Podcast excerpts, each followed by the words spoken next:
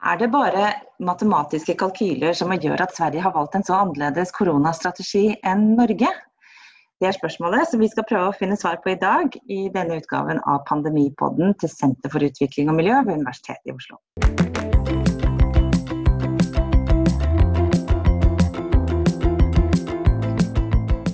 Mitt navn er Benedicte Bull, jeg er professor ved senteret. Og i Pandemipodden så ringer jeg til mine kolleger og spør dem om eh, ting av relevans for årsaker til eller konsekvenser av eh, koronapandemien. Og i dag er eh, turen kommet til eh, Johanna Adolfsson.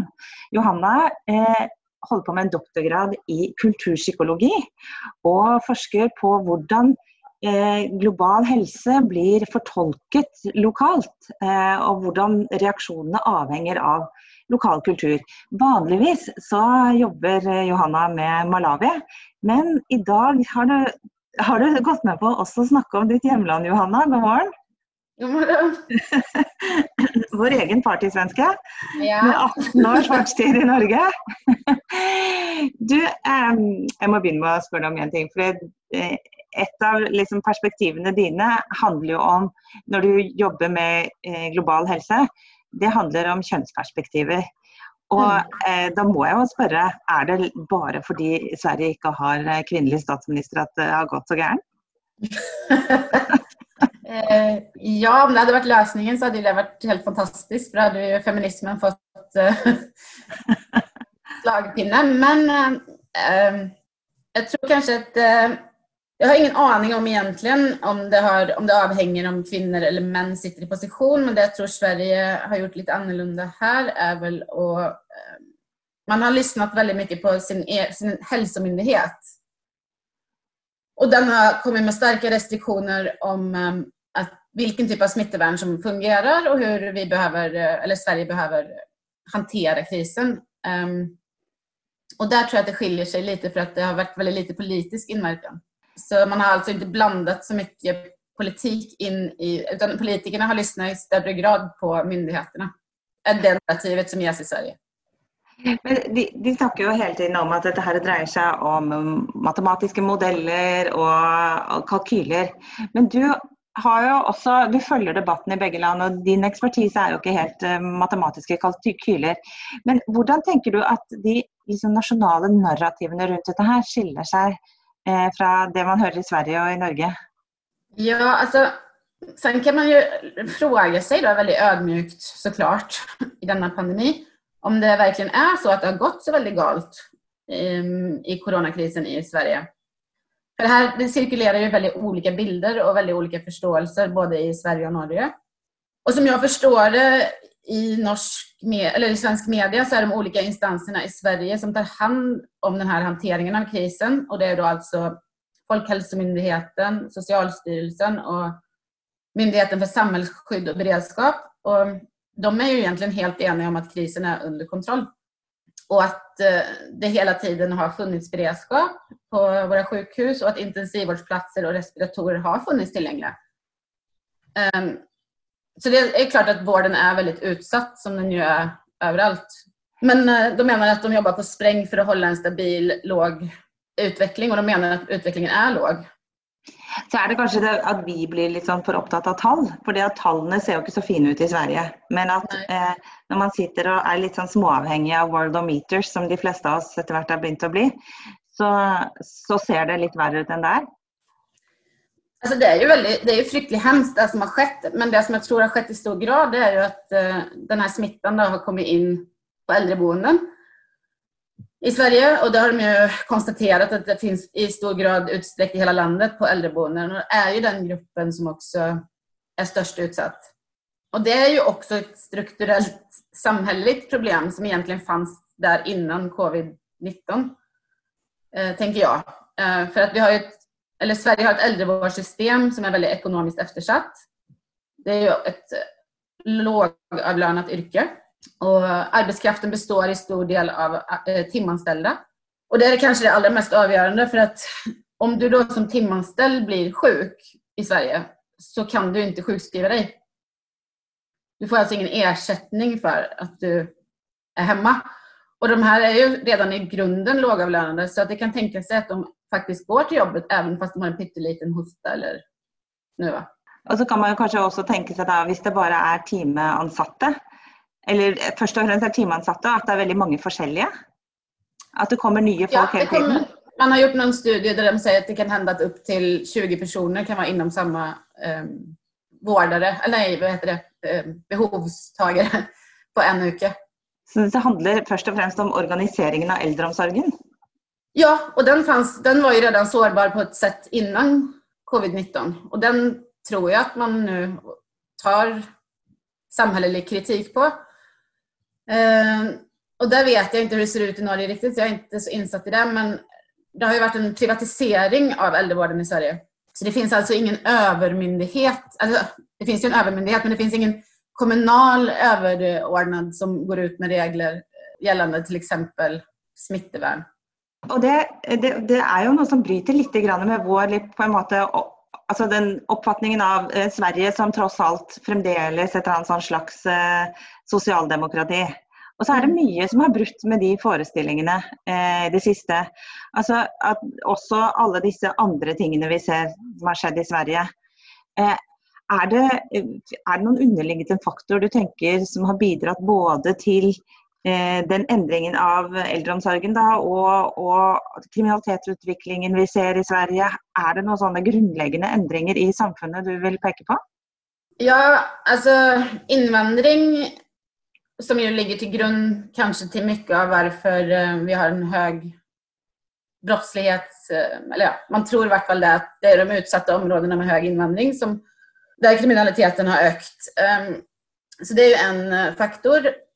Och sen så har vi det politiska, vi har en tradition med väldigt lång, en väldigt lång tradition med socialdemokrati eh, efter andra världskriget och fram till 90-talet. Och där bröts den trenden och så fick vi olika liberala partier in som i större grad ville att vi skulle sälja ut eh, statlig, statliga instanser då, som järnväg, som eh, äldrevård, apotek. Så där tror jag det kan finnas en förklaring till att vi har fått ett lite mer, vad ska jag säga, liber, just in time-samhälle. Då.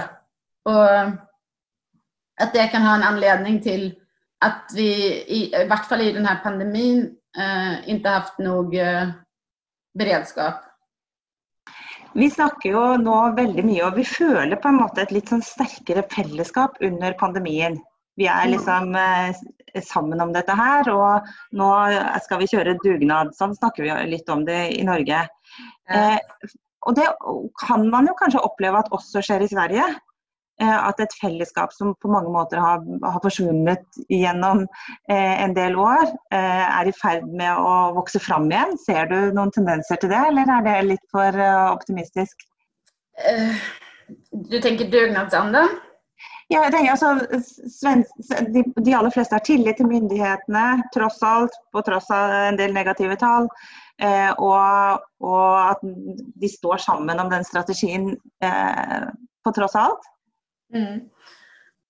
Det tror jag är ganska likt som jag upplever det i och med att jag som oftast inte upplever att jag bor i olika länder i så stor grad som jag faktiskt gör nu. Ehm, så tror jag att det finns en väldigt stark tillit till myndigheter och politiker generellt i Norge och Sverige. Och att eh, i den här eh, krisen så har man valt, som i alla andra länder, att verkligen stora på att att det myndigheterna säger är det bästa för oss. Och vi ser ju, eller det finns ju precis som i Sverige en väldigt sån kultur av att hjälpa varandra, handla, alltså Facebook-sidor där man kan skriva om man behöver eh, att någon kommer och hjälper en med att gå med hunden eller handla mat. Jag tänkte för att komma lite grann eh, tillbaka till Malawi, för du, du jobbar ju med på en måte hur lokal kultur och påverkar folks tankegång också omkring, eh, omkring hälsospörsmål som gärna blir framställt för dem i, i termerna till mer traditionell skolmedicin som är brakt in av olika internationella organisationer. Eh, kan du se någon, eh, alltså, jag är både intresserad nu i Sverige och i, i Malawi, men eh, ser du hur tänker folk om detta här i de länder du studerar i Afrika? Och har man samma förståelse av vad slags trussel man är utsatt för där som här?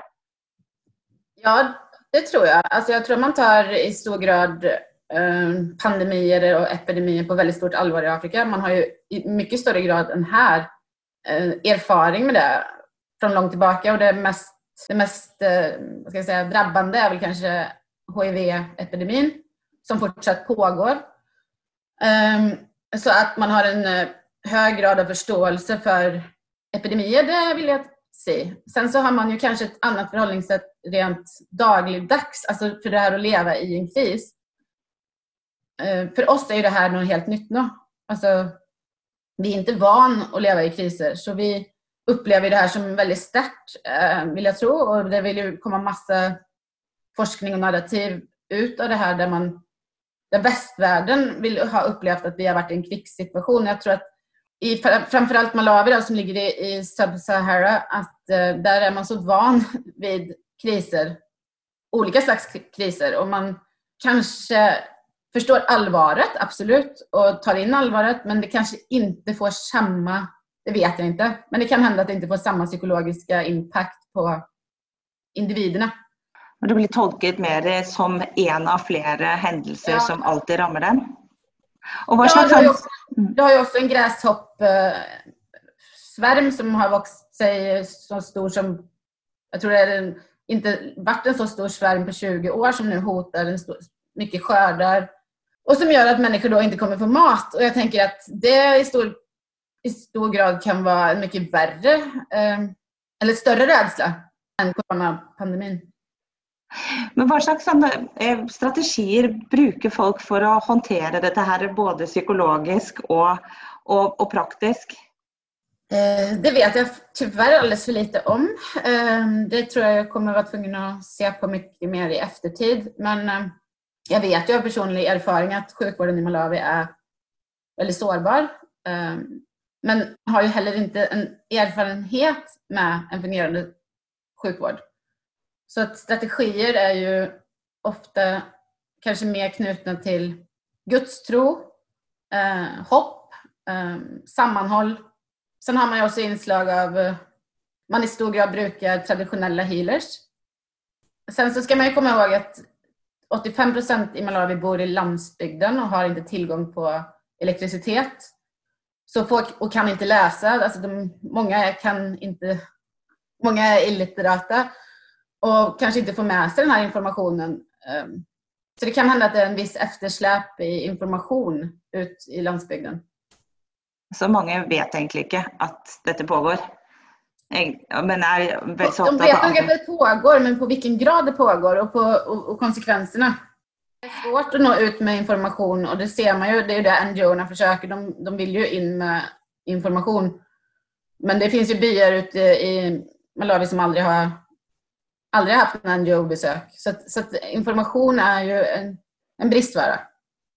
Vi prövar ju alla att skapa en eller annan slags mening i, i allt det som sker. Ett slags mening och hopp. Är det något eh, som en måte att tackla kriser på? Alltså både att vi ser en väg ut av det, men också att eh, kanske det kan på en måte eh, ändra något till det bättre. Men är det något som du vill peka på som typiskt med hur Sverige Sverige och svenskar hanterar det här mer sånn mentalt än det vi gör i Norge? Skillnaden till Malawi blir kanske ända större, men...